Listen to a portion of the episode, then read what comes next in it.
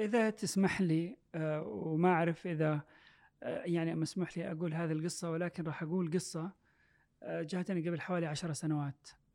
شاب كان عنده فكرة ممتازة. و قدر الإمكان حاولنا نسخر إمكانيات إنه إحنا نقدم له الدعم القانوني اللازم. ولكن المساهمين كانوا خالاته. وطلبوا كلهم إنهم يكونوا جزء من مجلس الإدارة وحضرت أول اجتماع مجلس إدارة. وبصراحة يعني هذا يجاوب على سؤالك. ليس كل مساهم قادر إن يكون عضو مجلس إدارة.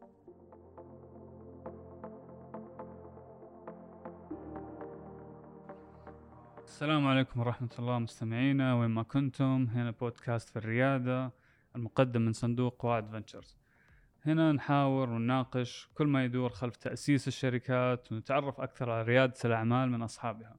معاكم مقدم الحلقة محمد بخش. آه، حنتكلم اليوم عن في موضوع تأسيس الشركات.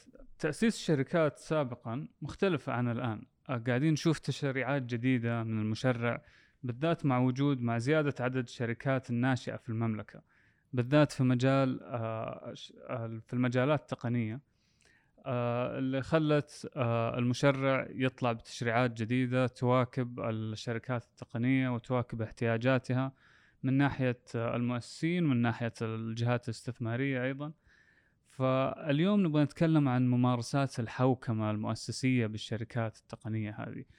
إيش هو الاطار الإطار الموجود آه، اللي قد ياثر على قرارات الشركة على توسع الشركة؟ أو إيش الأشياء اللي تهم المؤسس والمستثمر من ناحية آه، ممارسات الحوكمة الصحيحة في هذه الشركات. فاليوم معانا آه، المحامي الدكتور إياد رضا الشريك التنفيذي لشركة رضا للمحاماه والاستشارات القانونية. وإن شاء الله راح يفيدنا بحكم خبرته الواسعة ضمن المجال القانوني في مجال ريادة الأعمال. حياك الله أخوي إياد. أهلا وسهلا. أهلا بك شكرا للاستضافة وسعيد إني أكون معكم. الله يحييك. آه طيب إحنا آه نبغى ناخذ هذه الحلقة نعتبرها رحلة في حياة آه مؤسس الشركة إحنا طبعا البودكاست حقنا موجه إلى آه رواد الأعمال الجدد في هذا المجال في الشركات التقنية. فنبغى ناخذها كرحلة من يوم ما أنا كمؤسس أبغى أفكر أبدأ أسس الشركة لين ما أبدأ أتوجه للاستثمار. لما أصير أحول الشركة من مجرد فكرة إلى شركة قائمة حقيقية يعني. آه لما نتكلم عن عادة الحوكمة وتأسيس الشركات نتوقع أنه هذه آه تنطبق أكثر على الشركات الكبيرة الشركات المؤسسة. فأبغى أفهم من حضرتك ليش تشوف الحوكمة في الشركات التقنية مهم من بداية الشركة؟ ليش هو ما هو شيء مختص فقط في الشركات الكبيرة؟ لكن المفروض يبدأ التفكير فيه من بداية التفكير في الشركات. صحيح لما لما تطلق كلمة حوكمة أو وجود قانوني مكتمل يجي فكرا على طول شركة مساهمة أو شركة كبيرة. وفي الواقع غير كذا. في الواقع إنه إحنا نجد إنه نسبة كبيرة من الشركات الناشئة وشركات متناهية الصغر يكون أحد مسببات عدم استمرارها هو الوعي القانوني والمعرفة. آم، بدون شك ما تتطلب انه يكون عندك إدارة قانونية مكتملة أو دور قانوني داخل الشركة ولكن في حد أدنى آم، من المعرفة لازم يكون موجود. أشياء تخص الأدوار والمهام أشياء تخص إدارة المال أشياء تخص آه، علاقة الشركاء بينهم وبين بعض. أشياء تخص الشريك العامل والشريك غير العامل وأشياء تخص المستثمر والمستثمر الذكي والمستثمر الملائكي وكافة الأمور اللي تصاحب مرحلة آه، البداية. فسعيد إنه إحنا اليوم قاعدين نغطي هذا الجزء لأنه آه، في دورين، دور على الشركاء والمؤسسين وفي دور على المجتمع القانوني المكاتب المحاماة، شركات المحاماة إذا إحنا ما كنا عضو آه، ضمن منظومة عضو فعال ومساهم ضمن منظومة آه، ريادة الأعمال كيف راح يكبر ال- القطاع أو السيكتور وبكرة يكون هو واحد من مغذيات ومقومات الاقتصاد الوطني. فبالتالي نسعد وراح أوضح عدة أمور. بداية لما نتكلم عن الوعي من واقع تجربة؟ شفنا عدد من آه، شركات ريادة الأعمال اللي آه، بدأت ونجحت كان عندهم آه، لما درسنا يعني على على يعني على على مجموعة آه، حوالي 50 شركة ناشئة آه، قعدنا نشوف ما هي مسببات نجاحها. مسببات نجاحها طبعا بداية توفيق من من المولى واختيار المجال الصحيح والأداء الصحيح والشيء اللي يعني يعني يكون مهم في المنظومة الاقتصادية، لكن وجدنا أيضا إن عندهم وعي عندهم وعي قانوني عالي في تعاقداتهم فبالتالي ما هم هم في البداية وفجأة يفاجئوا بقضية عمالية أو قضية من مورد أو آه، مخالف من جهه حكومية أو وقف خدمات وهم لسه في بدايتهم. أو نقص آه، مستند يكون مهم لجلب مستثمر. آه، كمان المستثمر يبغى يشوف حد أدنى من الالتزام والتطابق. وبدون وجود وعي الأفكار العظيمة قد يعني آه، يعني يعني يعني ما حتى يكتب لها إنها ترى النور. فوجود الحد الأدنى من الوعي من مسألة التطابق من مسألة الحماية ال- ال- ال- الدنيا من مسألة مسائل بسيطة واليوم الجهات الحكومية ابتداء من وزارة التجارة إلى عدد كبير من الجهات تعطيك آه، يعني تعطيك جرعات وعي كويسة من ناحية إيش الفرق بين شركة مساهمة أو إيش الفرق بين شركة مساهمة مبسطة أو مسؤولية محدودة وشركه شخص واحد؟ آه، إيش متطلبات رأس المال؟ جمعية زي جمعية رأس المال الجريء عندها كثير من القراءات والأبحاث الخاصة ب آه، زيادة رأس المال بجلب المستثمرين في وفي أمور خاصة بحتى وصلوا لمرحلة إن هم قاعدين يقولوا إذا عندك جولات استثمارية ترى هذه المسودة حقة العقد اللي هي الكس أو السوفت اللي تسمى ب اللي هي المسودات النموذجية فيما يتعلق في آه، تسجيل المساهمين اللي في المستقبل تنتقل هذه الأدوات من أدوات دين إلى آه، أدوات آه، مساهمة. فبالتالي اليوم في بدايات لتطور هذا حنسميه ال- الدائرة المكتملة في التشريعات ما زالت في تطور كبير نعلم إنه في جهات زي ال- البنك المركزي آه، وزي هيئة سوق المال ووزارة التجارة يشتغلوا على مدار الساعة على أساس يطوروا تشريعات آه، تسمح لهذه الفئة إنها تنمو آه، بطريقة سلسة وتكبر وتدخل المنظومة الاقتصادية بقوة. طيب ممتاز خلينا ناخذ من لما نبدأ الشركة أنا من أسبوع يعني بالصدفة كذا جاني أحد رواد الأعمال وبيقول لي عندي فكرة وأبغى أبدأ أشتغل عليها. هل أبدأ اسس شركه الحين؟ ولا أبدأ اسس شركه بس أخلص المنتج وأبدأ أبغى أطلع أبيعه؟ فنأخذها من البداية كذا. متى أنا كرائد أعمال أبدأ أسوي كيان قانوني لهذه الش- الشركة التقنية حقتي؟ متى تحس الوضع الوقت المناسب يعني؟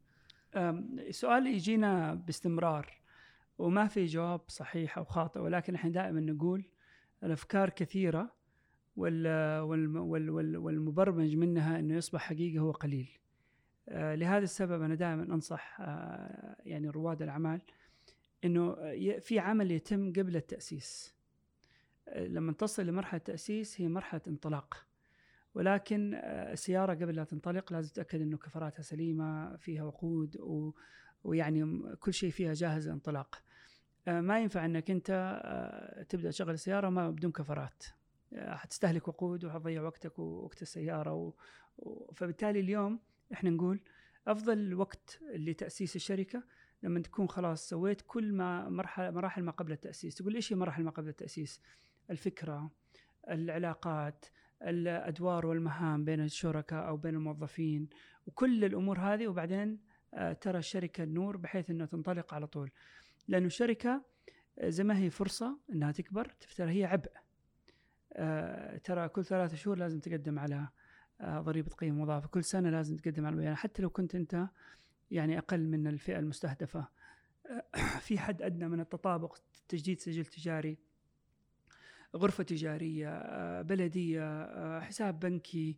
فبالتالي آه، الوقت اللي تكون فيه راح تمارس تجارتك أسس شركتك.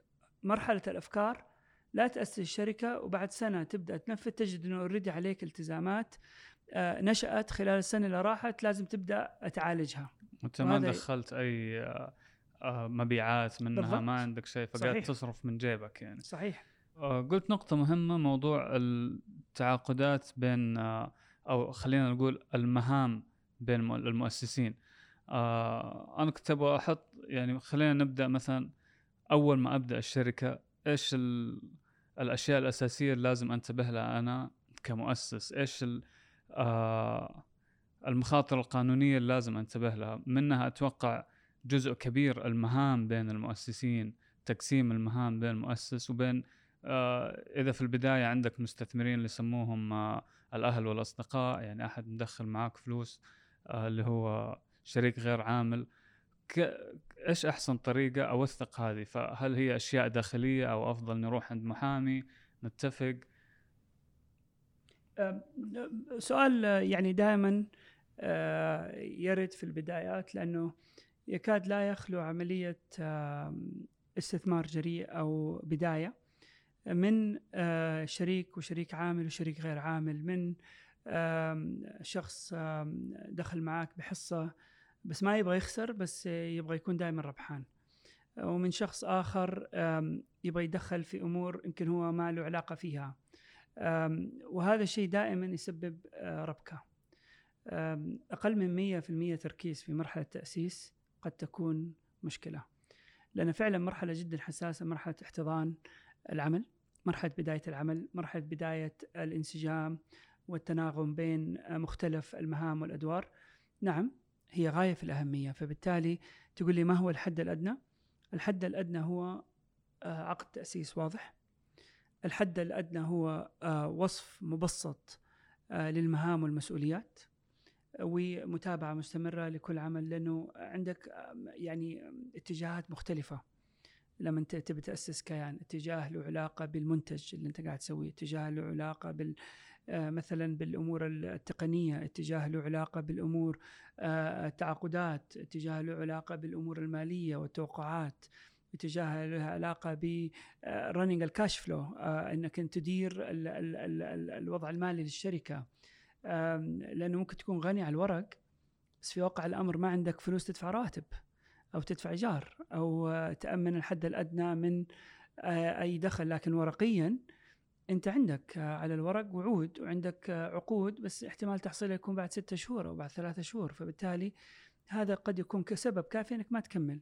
أو إنه يطلع عليك شخص من المستثمرين يقول لك أنا بطلت أنا أبغى ارجع رأس المال. وأنت في مرحلة ما تقدر ما تقدر إنك أنت تخسر 20 أو 30% من رأس مالك آه، بسبب إنه أحد المستثمرين قرر فأنا أشوف إنه في أكثر من طريقة وتعتمد الطريقة حسب آه، الحجم وحسب نوع النشاط وحسب نوع الشركة. المسؤوليه المحدوده على سبيل المثال يعني آه، ما صعب إنها إنك أنت تسوي فيها آه، أدوات دين. غير الشركات الأخرى النظام الجديد المساهمة المبسطه أو غيره. يعني وضحت طرق كثيرة إنه يكون فيها أدوات دين معينة بالتالي تقدر تستفيد منها. الكتابة أمر مهم نعم، عقد التأسيس أنا بالنسبة لي يعتبر واحد من الاشياء آه، المنظمة. طبعا في المساهمة المبسطة عقد التأسيس أعطى فسحة أكبر أنك تنظم أشياء خارج العقد النموذجي للمسؤولية المحدودة. المساهمة العامة طبعا ما تعتبر شكل من الأشكال السهل أنك أنت تسويها من البداية لأنه التطابق والمتطلبات عالية جدا. قد لا تنطبق مع متطلبات المؤسسين أو الشركات الصغيرة. أغلب الشركات تأخذ شكل مسؤولية محدودة فبالتالي في يعني ما فيها اسهمها ما فيها فئات آه، على غير يعني على غرار الشركات المساهمة والمساهمة المبسطه آه، ولكن الآن النظام الجديد سمح إنه يكون في أدوات دين لها. آه، للشركات ذات مسؤولية محدودة. صحيح صحيح. وسمح أيضا في السابق ما كان موجود هذا الخيار نظام الشركات الجديد. سمح انه يكون في أدوات دين للمسؤوليه المحدودة. وأيضا اليوم في آه، نماذج آه، عقود نموذجية تستخدمها سواء الشركات المسؤوليه المحدودة أو شركات مساهمة مبسطة. تسمح سهولة تداول أدوات الدين هذه وتحولها من أدوات دين إلى حصص أو أسهم في الشركة. وبالتالي تنظم العلاقة بين الجانبين وكان دائما مشكلة العلاقة المالية هذه هي كيف نقدر نقيم. دائما كانت هي التحدي الكبير. مع وجود النماذج آه، في آلية ومعادلة يكون متفق عليها من البداية. تنطبق على الكل سواء اللي يبغى يزود رأس ماله أو المساهم اللي موجود في الشركة والشركة تبغى تسوي جولات استثمارية جديدة. ممتاز. آه طيب. فقلنا دحين إحنا نبغى نبدأ الشركة فنسوي عقد تأسيس نبين فيه آه صلاحيات آه خلينا نقول كل مؤسس كل مستثمر من البداية. قاعدين نسمع في الشركات التقنيه الناشئه إنه شركات استثمارية تفضل تدخل في جهات زي أبو ظبي المالية في جزر الكيمن آه ليش هذا الشيء كان ساير أو إلى الحين ساير؟ وليش ما يفضلوا يدخلوا على طول في الشركات السعودية؟ أتوقع أول نقطة زي ما تفضلت آه النظام ما كان يسمح مثلا بأدوات الدين آه ما كان في تفضيل بين الأسهم آه بس هل هو مستمر إلى الحين؟ وهل تشوف في تغيير من المستثمرين؟ طبعا سلوك المستثمرين ما زال إذا إذا يعني ما عندي أرقام دقيقة ولكن قاعد أشوف إنه نسب كبيرة ما زالت تروح إلى ممكنات وحاضنات وجهات خارج المملكة العربية السعودية. في نفس الوقت قاعدين نشوف عدد متزايد إنهم قاعدين يستخدموا النظام السعودي فيما يتعلق بتأسيس الكيانات الصغيرة. والسبب هو مجموعة من العوامل، العامل الأول في تطور تشريعي كبير في المملكة سمح إنه هذه الشركات تكون موجودة في المملكة العربية السعودية، فنظام الشركات الجديد والجهد اللي قاعد تسويه هيئة سوق المال والجهد اللي قاعد يسويه البنك المركزي فيما يتعلق بال sandbox والأشياء الأخرى والجهود اللي قاعد تسويها عدة جهات فيما يتعلق بحاضنات الأعمال. فال فالبيئة التشريعية قاعدة تاخذ شكلها الطبيعي اللي يخلي اللي يعكس دور المملكة في استقطاب هذا النوع من الاستثمارات الصغيرة أو الناشئة. هذا الأمر الأول. الأمر الثاني جزء من عملية أي نجاح هو عامل الوقت. فهذه الجهات اللي تستقطب المستثمرين سواء في الخليج أو في في جهات أخرى أو في جهات عابر المحيطات أخذت سنوات طويلة عشان تسوي تشريعها أو تسوي البيئة التنظيمية حقتها بالشكل اللي يجاوب على كل طلبات أو احتياجات المستثمرين. أبغى أدخل شريك جديد. في نفس اليوم. أبغى أرفع رأس مال في نفس اليوم. أبغى أسوي تقييم جديد للأسهم في نفس اليوم. أبغى أسوي تصنيفات ثلاثة درجات للأسهم في نفس اليوم. فكان يعني قضوا وقت طويل عشان يصلوا لهذه المرحلة و يعني يعني اتصل هذا الأمر بسلاسه ضريبية مما نتج عنه يعني يعني حنسميها منافسة عالية في استقطاب هذا النوع من الشركات. وهذه المناطق استفادت استفادة كبرى من هذا النوع من الشركات لأنه عندها سيستم مكتمل وعندها سهولة ضريبية وعندها وضوح تشريعي وآلية لفض المنازعات وكل الجوانب المتصلة بالاستثمار وطبعا عامل التكلفة عامل التكلفة يعني عامل مهم وحنتكلم فيه اليوم. في سواء في استخدام المحامين في تأسيس الشركة في السجلات والتراخيص اللازمة في الاعتراف بها في مختلف الدول أو الجهات الأخرى على أساس تكون هي الشركة القابضة أو المالكة. فبالتالي التغيير فيها يكون أسهل من التغيير للفرع وبتكون هي تكون المالك الوحيد للشركة الفرعية أو مالك الأساس. فبالتالي هذا السبب. هل السعودية متجهة لأنها هي تكون مكان لاستقطاب بالتأكيد. وإحنا شفنا تطور خلال ثلاث الأربع سنوات اللي راحت كبير جدا في الجانب التشريعي وفي حتى في رغبة المبتدئين أو أصحاب الأعمال في أنهم يكونوا في السعودية. ما زال في تحديات بسيطة اليوم يفترض أن هي قيد المعالجة. ولكن السبب هو أنه لسنوات طويلة آه هذه المناطق سواء عابر الحدود اللي هي الأوف شورز آه المناطق اللي هي في جهات معينة. آه تمكنت من استقطاب كثير من هذه الشركات وأثبتت سلاسة التعامل معها. فكان في راحة من المستثمرين إنهم هم يكونوا معاه على المدى الطويل.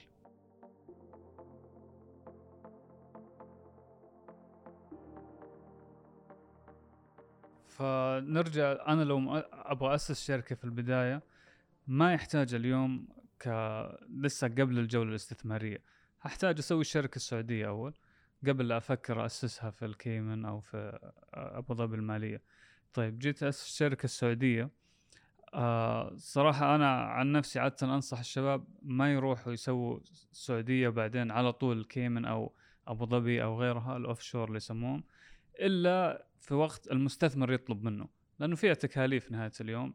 تبغى تفتح شركة هناك تبغى تكاليف آه المحامين إنه الشركة آه اللي في أبو ظبي تمتلك الشركة السعودية يعني حتدفع لك مبلغ وقدره لما تسوي التحويلات هذه فاليوم جيت شر... سويت شركة السعودية آه، هل عشان أخطط للمستقبل أفضل أسويها شركة مساهمة مبسطة أو شركة ذات مسؤولية محدودة؟ كلاهما آه، إحنا يعني ك كمحامين ممارسين كلاهما آه، خيارات جيدة. ولكن لو لو سألتني قلت لي إيش هو الشكل الأفضل؟ المساهمة المبسطة في في في ميزات أكبر من المسؤولية المحدودة والسبب عقد التأسيس عندك حرية في آلية صياغته والأدوار الحدود عندك يعني أدوات دين قابلة أنها تصير أسهم عندك أيضا أسهم وتصنيفات للأسهم آه، فبالتالي عندك أكثر من صنف للأسهم. وأيضا إذا استمرت الأمور بالشكل الصحيح قابليتها لأن هي تنتقل لمرحلة أكبر تكون أس يعني أكثر سلاسة. فبالتالي إذا أنت حبيت يوم من الأيام تخليها مساهمة آه يعني آه تؤهلها إن هي تكون مدرجة سواء في سوق موازي أو غيره هذا الأمر برضو سهل. ال العقود الموحدة الخاصة بالاستثمار يعني ما زالت تحت آه، إحنا نسميها مرحلة آه، عناية مركزة تجربة. لحين إنه نشوف كيف يتم تطبيقها وتداخلها مع هذا النوع من الشركات. هل في معلش المقاطعة هل في جهات ممكن أشوف العقود الموحده منها؟ تفضلت قلت هاي آه، صحيح. في عدد من عدد من الجهات سوت. نماذج وأعلنتها وساهمت فيها بعضها ربحي بعضها غير ربحي بس جمعية رأس المال الجريء أحد الأمثلة اللي تجد عندها هذه الحزمة من النماذج والعقود. عقال الشركة السعودية للاستثمار الجريء وعدد من الجهات الأخرى اللي اليوم قاعدة تلعب دور في تقديم المشوره وعندهم أيضا إنك تقدر تقعد مع مختصين تفهم آلية استخدامها وإحنا كمحامين يعني جزء من دورنا الاجتماعي هو تخصيص آه، ساعات مع المستثمرين ومع آه، أصحاب الأفكار على أساس نعطيهم جرعة من الوعي. عدد كبير من مكاتب المحاماة آه، يعامل الشركة الناشئة كأنها شركة مساهمة أو كأنها بنك أو كأنها على مهلك. هذول لسه توهم بادين. يحتاجوا أول شيء ما يحتاجوا كل الحلول في أول يوم ويحتاجوا أيضا إنه يكون عندهم جانب يعني اقتصادي لمحاكاة ميزانيتهم والمرحلة اللي هم فيها. فإحنا يعني يعني كثير من المحامين شفنا وجزاهم الله خير قاعدين يكون لهم دور فعال في مشاركة المخاطر مع هذه الشركات آه، تقليل التكاليف عمل آلية بحيث أن يكون السداد على قد التوسع وعلى قد ال ال ففي مجموعة من الحلول اللي آه، يعني ممكن إنه شركات المحاماة ومكاتب المحاماة تعطيها لتسهيل الأمر ولتمكين هذه الشركات من الحصول على هذه الوثائق اللي ذكرتها اللي هي إحنا نعتبرها آه، أساسيات لحماية الشركاء وحماية الشركة كل ما آه، مضت يعني قدما في التوسع وفي آه، رحلتها. ممتاز، طب فين ممكن برضو إذا أبغى أدور عن محامين آه بدأوا يتخصصوا في هذه التجارب أو في هذا النوع من الشركات أو بدأوا يشتغلوا في هذا النوع من الشركات فين ممكن أحصلهم أنا كرائد أعمال؟ يعني عددهم عددهم يعني قليل جدا مقارنة بعدد العام المحامين لعدة أسباب، السبب الأول المرحلة التشريع فيها يعني هذه هذه هذه اللي حنسميها آه، يعني هذا الجانب من الممارسة التشريع فيه متغير مستمر. آه، فبالتالي مو كل المحامين آه، متخصصين في هذا الجانب. الجانب الثاني آه، يعني جزء من المهمة إنك ما تكون محامي بحت إنك تكون تفهم ما وراء أهداف الشركة أهداف الشركاء بحيث إنه كل شيء تسويه يكون مصمم إنه هو قابل إنه يستوعب خططهم وأفكارهم. رقم ثلاثة لازم تكون صبور. وعض... يعني حسب مرحلة كل مكتب وكل شركة محاماة أو كل ممارس أحيانا ما يتحمل وضعه الراهن أنه هو يصبر ستة شهور أو سنة على أساس يبدأ يندفع له أو يعني يشارك المخاطر. أم، أمر غاية في الأهمية أنه المحامي هو جزء والوعي القانوني هو جزء مهم في المسيرة لأنه كل ما زادت الأمور تعقيدا كل ما زادت حاجتك آه، لهم.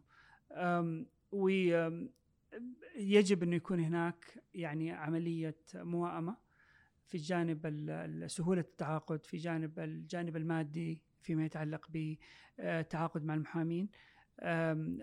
أنه ت- هذه المنظومة تكتمل وقاعدين نشوف اهتمام أكبر من قبل المحامين لمساعدة أصحاب آه، يعني رأس مال أو مستثمرين. إحنا عندنا مجموعة من التجارب صراحة. أم، كنا قاعدين نتكلم في في خمسة ألاف وثمانية ألاف ريال آه، مساعدة. هذا مجرد مثال لكن بعد سبع سنوات قاعدين نتكلم على طرحها وأتعاب وصلت إلى آه، أضعاف هذا الرقم. فبالتالي على قدر فهمك ووعيك ورغبتك أنك تكون جزء من المنظومة على قدر المردود وهذه يعني رسالة للأخوة المحامين. نعم في جهات معينة آه، تعطيها تسعيرة كاملة ولكن بالنسبة للفئات اللي هي الشركات الناشئة أو شركات آه، المبتدئة أو متناهية الصغر حاول تبرز أو تجد حلول تخليك تستمر معاهم لما يكونوا قد خلاص عدوا المرحلة الحرجة أو مرحلة الحضانة يعني آه. يعتبرها استثمار هو كمان ما. بالتأكيد طيب فنكمل رحلة رائد الأعمال من يوم ما فتحت الشركة وأسست الشركة واخترت نوعية هذا الكيان القانوني اليوم رحت عند أول مستثمر ملائكي. آه إيش أنا أتوقع من هذا المستثمر يطلب مني؟ إيش الأشياء اللي هو يتوقع تكون جاهزة عندي أنا كشركة عشان يقدر يستثمر اليوم؟ ممتاز. يعني في آه في معلومة آم، يمكن كثير من الناس آه ما هو مدركها الآن. أغلب آم، المستثمرين الملائكين عندهم داخلهم توقع وشعور أنه هذه مخاطرة لكنها مخاطرة آه، مجدية وقد يكون مردودها عالي. فهو ما يتوقع يعني يعني التزام تام وهذا شيء طبيعي في الشركات الناشئة. لكن صراحة في حد أدنى من الالتزام اللي هو يتوقعه اللي تعكس أمرين. حد أدنى من الوعي القانوني وجدية إحنا شفنا أفكار رائعة في السابق وشفنا أيضا أم، يعني بدايات آه، رائعة لكن في آه، نقص شديد في الوعي القانوني حال دون إنه إحنا حتى يعني يعني نعتبرهم جادين في عملهم. آه، كأنك تدير عمل وتقول ما عندي حساب بنكي. طب كيف تدير عملك وانت ما عندك حساب بنكي؟ كيف حتاخذ فلوس كاش وتوديها كاش و... واليوم السياسة هي سياسة آه، zero cash. آم، يعني في أسئلة وأشياء بديهي إنها تكون موجودة ولكن أحيانا مع كثرة تركيز آه، ال- ال- ال- ال- الناشئين أو الشركات الناشئة آه، يكون في إغفال لها أو عدم تركيز عليها.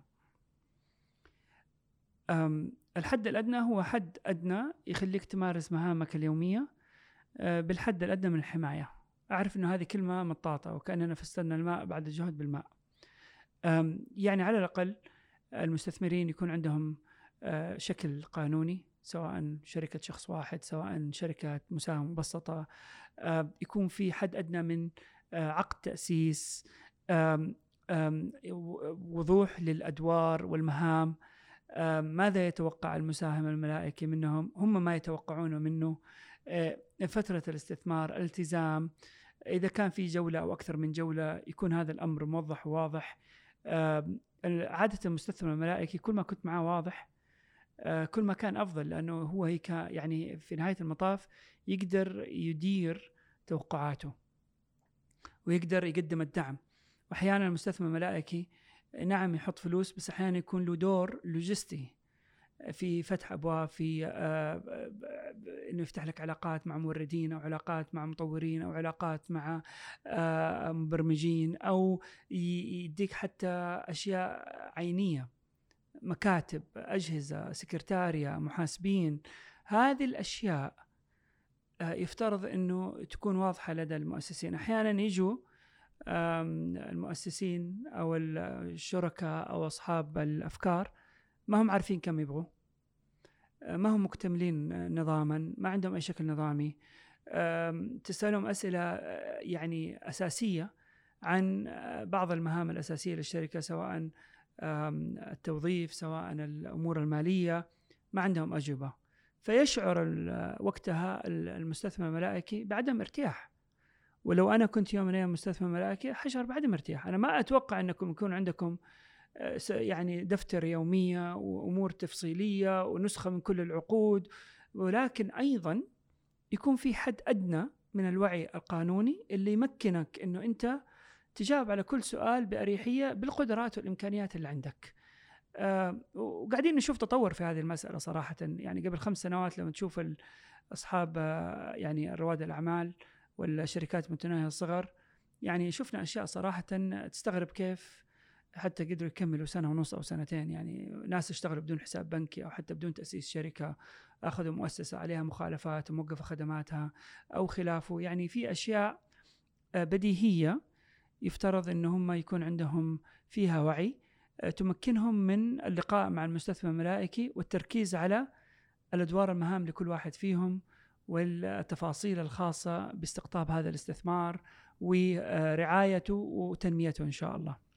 أتوقع كلمتين حلوة اللي قلتهم الوعي والجدية. يعني آه، نفس الشيء أتذكر من خمس سنين واحد من الشركات آه، استثمرنا فيها. كانوا مرحلة البذرة. آه، نطلب منهم التقرير المالي يرسل لي الفواتير حقته يرسل لي صور فواتير يقول لي شوف هذا اللي صرفناه الربع الأول. طيب سوي لي إياه يعني تقرير مالي يعني بس عادي يعني حتى رواد الأعمال يتعلموا يعني. بس إي حلو يعني يوريك الجدية إذا اشتغل عليها طلع لك تقرير حتى لو التقرير فيه أغلاط بس يوريك إنه مركز في هذا الشغل جاد يبغى يتوسع يبغى يتعلم يعني. صحيح أخوي محمد اذا تسمح لي أعقب أيضا؟ اليوم مع الذكاء الاصطناعي والبرامج الموجودة كثير من هذه الأدوار يمكن القيام بها اللي كان يستغرق أول أيام وأشهر. ترى اليوم صار بمجرد ايكويجن معينة في في برنامج معين آه، تقدر تسوي كل هذه الأمور. فاليوم أصبحت هذه المتطلبات والحصول عليها أسهل بكثير من قبل عشر سنوات أو خمس سنوات. آه، ما أخفيك آه، مع وجود هذه التقنيات أصبح المستثمر الملائكي يتوقعها كمسلم. فهي ما هي يعني أمر يعني نعتبره فخم أو زيادة فخامة أو ترفيهي هو أمر لابد منه. لما يكون عندك عقد تأسيس لما يكون عندك شكل نظامي لما يكون عندك آه، ترتيب لأفكارك المالية واحتياجاتك حتى لو كان آه، سواء حجمها 100 ريال أو حجمها 100 ألف ما يفرق. ال ال ال ال الأساس والقاعدة اللي أنت باني عليها آه، شركتك أو أو فكرتك هي اللي تخلي المساهم الملائكي يعني يعني يبدأوا بالفكرة. آه، وقاعدين نشوف كثير من الأفكار والشركات اللي بدأت آه، تنتشر خارج آه، المملكة العربية السعودية. وبدأت يعني تصير يعني يعني أرقامها أرقام كبيرة. وهذا الشيء الحمد لله يعني بفضل أول شيء البيئة التنظيمية بفضل البيئة التشريعية بفضل جهد الشركة. ولكن أيضا بفضل انه هم عندهم وعي مالي وعندهم وعي قانوني وعندهم وعي اجتماعي وعندهم وعي آه، لكل مرحلة إيش متطلباتها وإيش آه، احتياجاتها. ممتاز. طيب اليوم آه، أخذت فلوس من مستثمر ملائكي جيت سويت آه، جولة استثمارية ودخلوا معايا شركات استثمارية.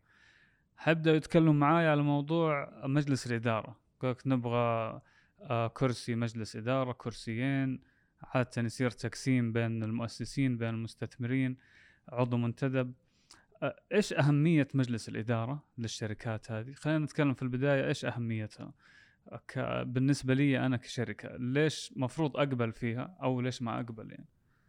إذا تسمح لي آه، وما أعرف إذا آه، يعني مسموح لي أقول هذه القصة ولكن راح أقول قصة. آه، جاتني قبل حوالي عشر سنوات. شاب كان عنده فكرة ممتازة. و قدر الإمكان حاولنا نسخر إمكانيات إنه إحنا نقدم له الدعم القانوني اللازم. ولكن المساهمين كانوا خالاته. وطلبوا كلهم إنهم يكونوا جزء من مجلس الإدارة. وحضرت أول اجتماع مجلس إدارة. وبصراحة يعني هذا يجاوب على سؤالك. ليس كل مساهم قادر ان يكون عضو مجلس إدارة. أنا أتذكر في تعريف مجلس الإدارة قعدنا حوالي ساعة ونص نشرح لهم إيش يعني مجلس إدارة. لا يعني إنه أنت مساهم أو أنت مستثمر ملائكي. بالضرورة إنك تكون عضو مجلس إدارة فاعل. عضوية مجلس إدارة اليوم مع الأنظمة والتشريعات والجوانب الضريبية والجنائية والمالية هي مهمة جادة. ما هي بس على الشيء تحطه على ال business card أو أنك تقول أنا عضو مجلس إدارة شيء معين في مهام ومسؤوليات عليك في قيمة مضافة. فبالتالي أكون صريح معك عضوية مجلس إدارة لازم تكون مسببة. هل يوجد سبب فني؟ هل يوجد سبب لوجستي؟ إذا أنت تبي تراقب المال اللي حطيته آه، في أساليب أخرى غير عضويتك في مجلس إدارة. مجلس اداره تناقش عدة أشياء استراتيجية عدة أشياء تشغيلية عدة أشياء. والمساهم ليس بالضرورة آه، آه، يعني أن يقحم في أمور تشغيلية أو يقحم في قرارات لها علاقة بالجانب الفني. هو مستثمر بناء على الفكرة الرئيسية للشركة بناء على استراتيجيتها بناء على خططها وأهدافها. لكن جوانب تشغيلية ويومية قد يكون عائق. وجدنا عدد من الشركات مع الأسف بسبب آه، اختلاف الأساليب في الإدارة واختلاف الخبرات واختلاف الفئات العمرية تعطلت أعمالها. آه، شخص طول عمره يحب الآلة كاتبة لما تيجي تقول له حنرسل إيميلات يقول لك لا أنا أبغى آه، ترسل لي خطاب مكتوب. شخص ما يعرف إيش يعني شخص مركزي شخص غير مركزي شخص يحب الأمور تكون غير مطبوعة وإلكترونية ويلا. شخص ما يحب يتخذ قرار إلا لما يكون عنده صورة 100% وفي أشخاص يقول لك لا 30% كافي وحمشي وأنا بمشي تكتمل الصورة. تختلف الأهواء والتوجهات فبالتالي أكون صريح في هذا الأمر عضوية مجلس إدارة آه، جزء مهم من سبب استمرار الشركة لازم يكون فيها تناغم وفهم إيش أهدافها. أما مسألة إنه أنا راح أساهم ب ألف ولا 500 ألف ولا أي مبلغ وأكون عضو مجلس اداره واجتماع أجي واجتماع ما أجي ولما أجي أنا قاعد على الجوال مشغول في أعمالي الأخرى يعني قد يكون لها مردود آه عكسي.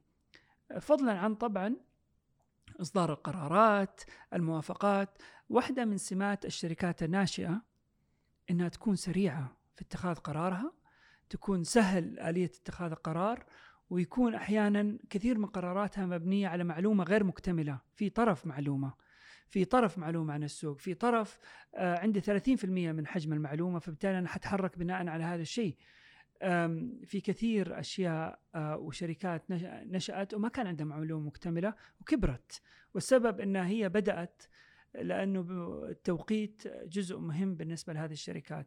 فمجلس الإدارة هي الدور حقه آه، إدارة آه، تطبيق الاستراتيجية وتعديلها ووضع استراتيجية وأيضا آه، تسخير إمكانيات المجلس لإزالة العراقيل الخاصة بالتشغيل والأمور اليومية للشركة اللي تمكن كل واحد من منصبه أن يقوم بدوره. فوجود غير مختص أو غير مهتم أو غير متفرغ آه، أو غير ذو صفة في المجلس هو عائق وليس ميزة. ممتاز. فيعني أحاول أنا كمؤسس آه، أتأكد مين معاي في مجلس الإدارة هل في تناغم أو لا هل ما في تناغم بعدين هل عنده فهم في القطاع اللي أنا شغال فيه وأيضا آه، أتوقع كل ما كبرت الشركة يمكن تزيد صلاحيات مجلس الإدارة لكن في البداية تبغى قرارات تشغيلية أكثر في يد المؤسسين آه، لأنه لسه قاعدين يجربوا قاعدين يتحركوا في السوق قاعدين يكتشفوا فما تبغى كل شيء متمركز في مجلس واحد يعني مجلس إدارة. صحيح وأنا يعني آه، ما راح أجيب قصة الخالات مرة أخرى ولكن شفنا مجالس شفنا مساهمين ملائكيين في في يعني في مؤخرا. علاقتهم مع الشركة هي التقارير الربع سنوية أو النصف سنوية أو السنوية. وعنده يكون عندهم فترة آه، أسئلة. فبالتالي أنت كمساهم ملائكي إحنا قاعدين نحقق الأرقام اللي إحنا قلنا عليها. إحنا قاعدين آه، نمشي على الاستراتيجيه ونتوسع. وإذا في أي تغير راح نرسل لكل المساهمين نبلغهم أو نستشيرهم. ولكن بالنسبة للتشغيل اليومي ومين وظفنا؟ وين استأجرنا مقر؟ هذا أمر تشغيلي. مشكلة إذا كل أحد ساهم راح يحاول إنه يدخل في اتخاذ قرار تشغيلي ويأثر على اتخاذ القرار في الشركة. طب هل في مسؤولية علي أنا كمؤسس آه لمجلس الإدارة أو لجمعية المساهمين إني أقابلهم باستمرار؟ هل في اليوم عندي متطلبات آه ككيان؟ يعني أنا مثلا آه جهة آه مساهمة مبسط مساهمة مبسطة أكيد في لي عدد مرات معين في السنة لازم أقابل مجلس إدارة لازم أقابل جمعية مساهمين. صحيح. النظام اعطى الحد الأدنى آه، فيما يتعلق بعدد الاجتماعات آه، سواء مرة سنويا أو مرتين سنويا وفيما يتعلق بالريبورتنج إحنا المشكلة عندنا مو بالحد الأدنى. المشكلة هي في طلبات المساهمين اللي تفوق على الحد الأدنى بكثير. إذا هي مرة في السنة أتوقع ما ما عندنا مشكلة. إذا هي مرتين في السنة أتوقع ما عندنا مشكلة. المشكلة هي في أبا كل أسبوع تيجوا تقولوا لي إيش سويتوا؟ أبا كل شهر ترفعوا لي تقرير.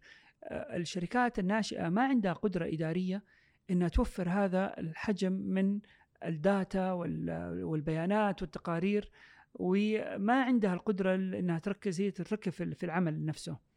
المفروض إنه يكون في نعم في مسؤولية متفقة بين الطرفين إنه في تقرير ربع سنوي. أنا أتوقع إنه هذه أغلب الممارسات سواء في جهات يعني خارج المملكة العربية السعودية أو العلاقة تكون فيها بين الإدارة وبين مجلس الإدارة.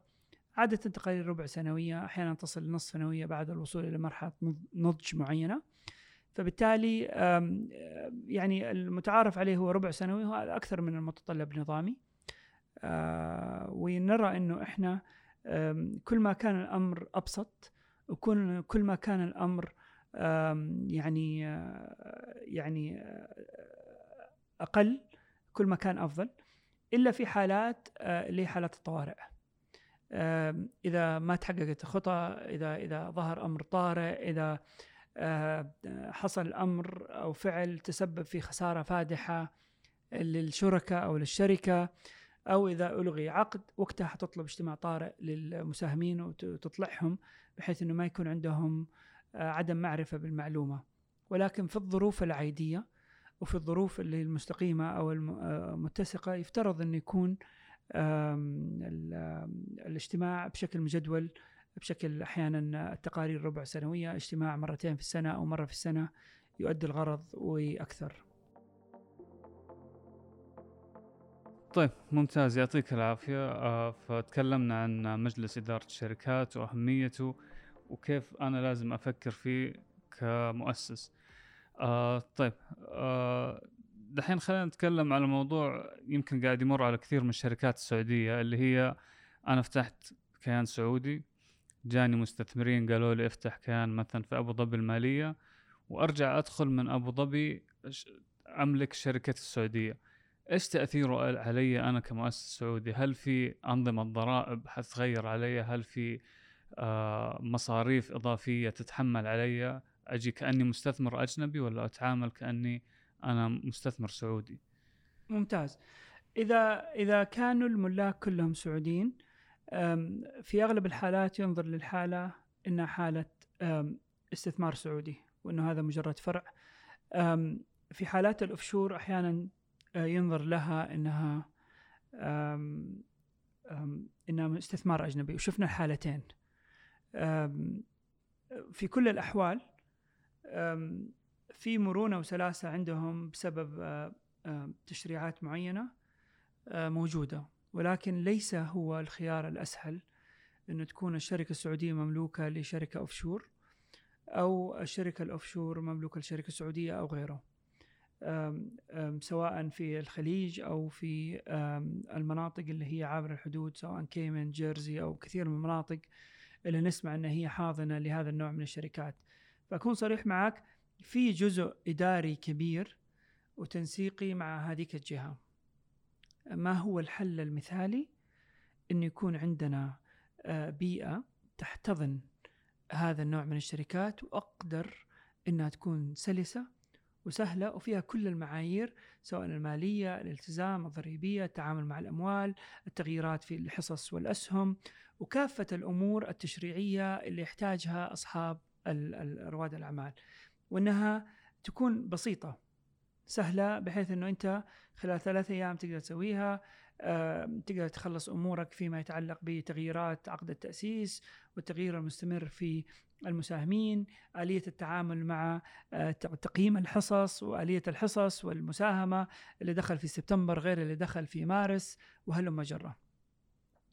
فإجابة على سؤالك نعم هي ما زالت دارجة ولكن آه، اليوم فيها تعقيد وسبب التعقيد إنه أنت بتتكلم على آه، نظامين تشريعيين مختلفين آه، ما حيكون في تجانس كامل بينهم واحيانا الموظف المختص أو النظام ما يميز إنه هذا استثمار سعودي 100% لكنه في دولة أخرى أو يكون في عدم ارتياح لقوائم المالية لتلك الجهة أو آه، اعتباره غير يعني استثمار غير سعودي فبالتالي تخضع لتشريعات أكثر صعوبة وأكثر تكلفة. مع وجود تشريعات في المملكة العربية السعودية نقدر نقول إنه لا يوجد خيارات أخرى وما في داعي من إنه الربط بين النظامين آه، استثماريين في جهتين مختلفة آه، بحيث إنه تقلل من المخاطر حقت سوء الاتصال أو عدم التناغم بين هذه الجهتين. ممتاز. آه طيب آه اليوم أنتم كمكتب محاماة أو بالنسبة لمكاتب المحاماة إيش تشوف دوركم آه في بالنسبة للشركات الناشئة هذه؟ أول شيء عندنا آه، دورين. الدور الأول دور المساهمة في التشريع. من خلال أفضل الممارسات من خلال تقديم الآراء على الأنظمة الجديدة أو مساهمة في صياغتها أو آه، تقديم الاستشارات للجهات المعنية للاخذ في الاعتبار أفضل الممارسات. والابتكار. أحيانا أفضل الممارسات بالنسبة للمملكة العربية السعودية وطموحها قد تكون متأخرة علينا. نبغى شيء أكبر ونبغى شيء أسهل ونبغى شيء أفضل من السيليكون فالي ونبغى شيء أفضل من الجهة المعينة ونبغى نظام آه، حل نزاعات آه، سلس نبغى آلية تشريع أسهل بالنسبة للشركات هذه.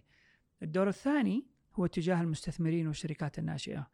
دورنا مع هذه الشركات أول شيء يجب انه يكون في مساهمة اجتم- اجتماعية لكل مكتب محاماة.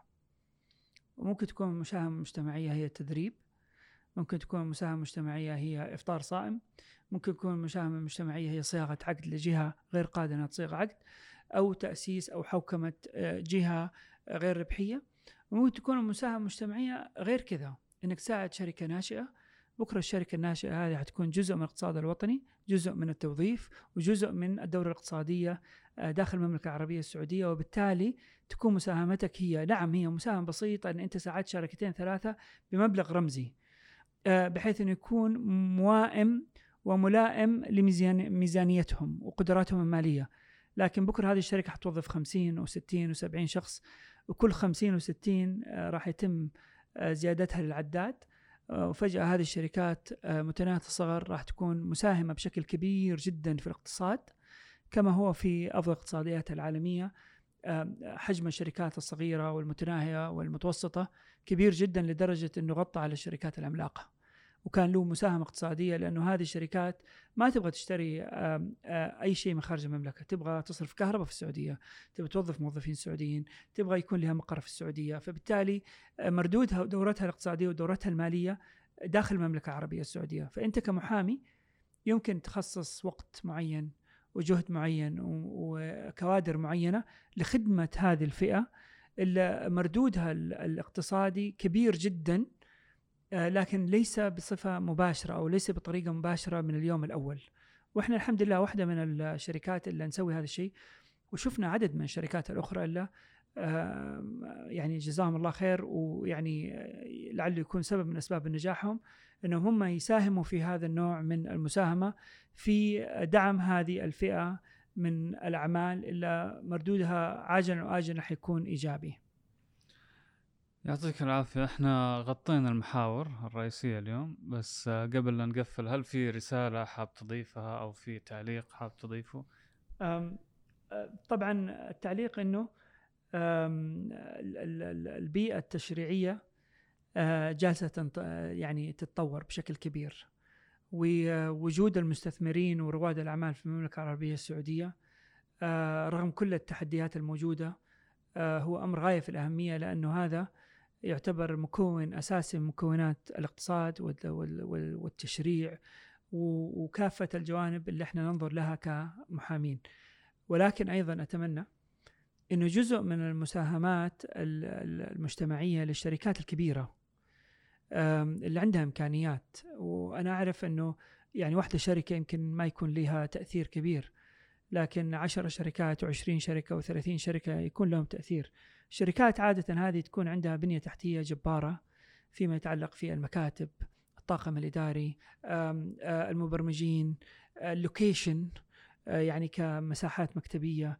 لو كل شركة احتضنت بدون ما يكون في مردود مالي أو شراكة أو قناعة في الفكرة لو كل شركة أعطت مثلا ثلاثة أشهر أو ستة أشهر أو سنة إمكانية استضافة عدد بسيط من الشركات ثلاثة خمسة عشرة شركات راح تجد أن الشركات الكبرى في نهاية السنة عملت لها 100 200 استضافة وطنية لشركات ما عندها القدرة ويأثر موضوع الإيجار والسكرتير وكيف أصمم موقع وكيف أسوي وبالتالي هذه الشركات لها آه، عملت آه، مساهمة مجتمعية لقطاع بكرة حيكون واحد من أهم القطاعات في التوظيف، واحد من أهم القطاعات في دفع الفات والضرائب ويعني في نهاية المطاف هو منتج سعودي. فبالتالي هذه الشركات يفترض إن هي تبدأ تفكر إنه غير موضوع إنه أنت تقوم بمساهمات يعني خيرية أو مساهمات تطوعية في مساهمات أخرى لها مردود اجتماعي غير مباشر يخلق فرص وظيفية يخلق أسماء وبراندز وشركات سعودية. وأيضا لا ننسى إنه إذا الشركة هذه الصغيرة واحدة من كل خمسة أو اثنين من كل عشرة كبروا راح يقولوا جزاها الله الشركة الفلانية آه، دعمتنا واستضافتنا لمدة ستة شهور ما كان عندنا قدرة إن نشترك في الإنترنت. أو كنا تونا بادين وما كان عندنا قدرة إنه إحنا نوظف سكرتير أو نوظف محاسب. أو خلافه. ولعله هذه تكون إن شاء الله بداية يعني آه، آه، يعني بداية خير لهذه الشركة وأيضا يحسب لها نشاطها الاجتماعي. أتمنى لهذه الفئة إن هي تكون يعني موفقة دائما. آه، وأتمنى إن هم يتمكنوا إن هم يسووا وعي ويبنوا وعي آه، قانوني وتشريعي يمكنهم من إنهم هم ما يكون سبب عدم استمرارهم الوعي القانوني. يكون أسباب أخرى أسباب متعلقة بالسوق أو بالنشاط أو بال ولكن ليس سبب ذو صلة مباشرة بعملهم كرواد أعمال أو كأصحاب تقنية أو أصحاب فكرة. وأتمنى أن نصل لمرحلة أن الجامعات السعودية أيضا لو من خلال مادة أو من خلال التطبيق العملي تعطي فكرة عن آه، ريادة الأعمال وعن الحد الأدنى من الوعي المالي والحد الأدنى من الوعي القانوني. وبالتالي يكون آه، في حد أدنى من المعرفة يجنب هؤلاء أو هذه الفئة آه، أي تحديات تشريعية أو قانونية تحول دون استمرارهم ونجاحهم. شكرا لاستضافتكم وسعيد جدا بهذا النقاش وأتمنى انه يكون يعني له مردود على آه، رواد الأعمال المحامين. وأنا استفدت كثير منه. شكرا لكم. يعطيك العافية أستاذ إياد. شكرا لك على وقتك والمعلومات اللي شاركتني إياها. آه شكرا لكم أيضا مستمعين بودكاست في الريادة. لا تنسوا الاشتراك في البودكاست على قناة اليوتيوب حتى توصلكم حلقاتنا الجاية. شاركونا رأيكم بالحلقات السابقة في حساباتنا في ال social media. كان معكم محمد بخش بودكاست في الريادة. في أمان الله.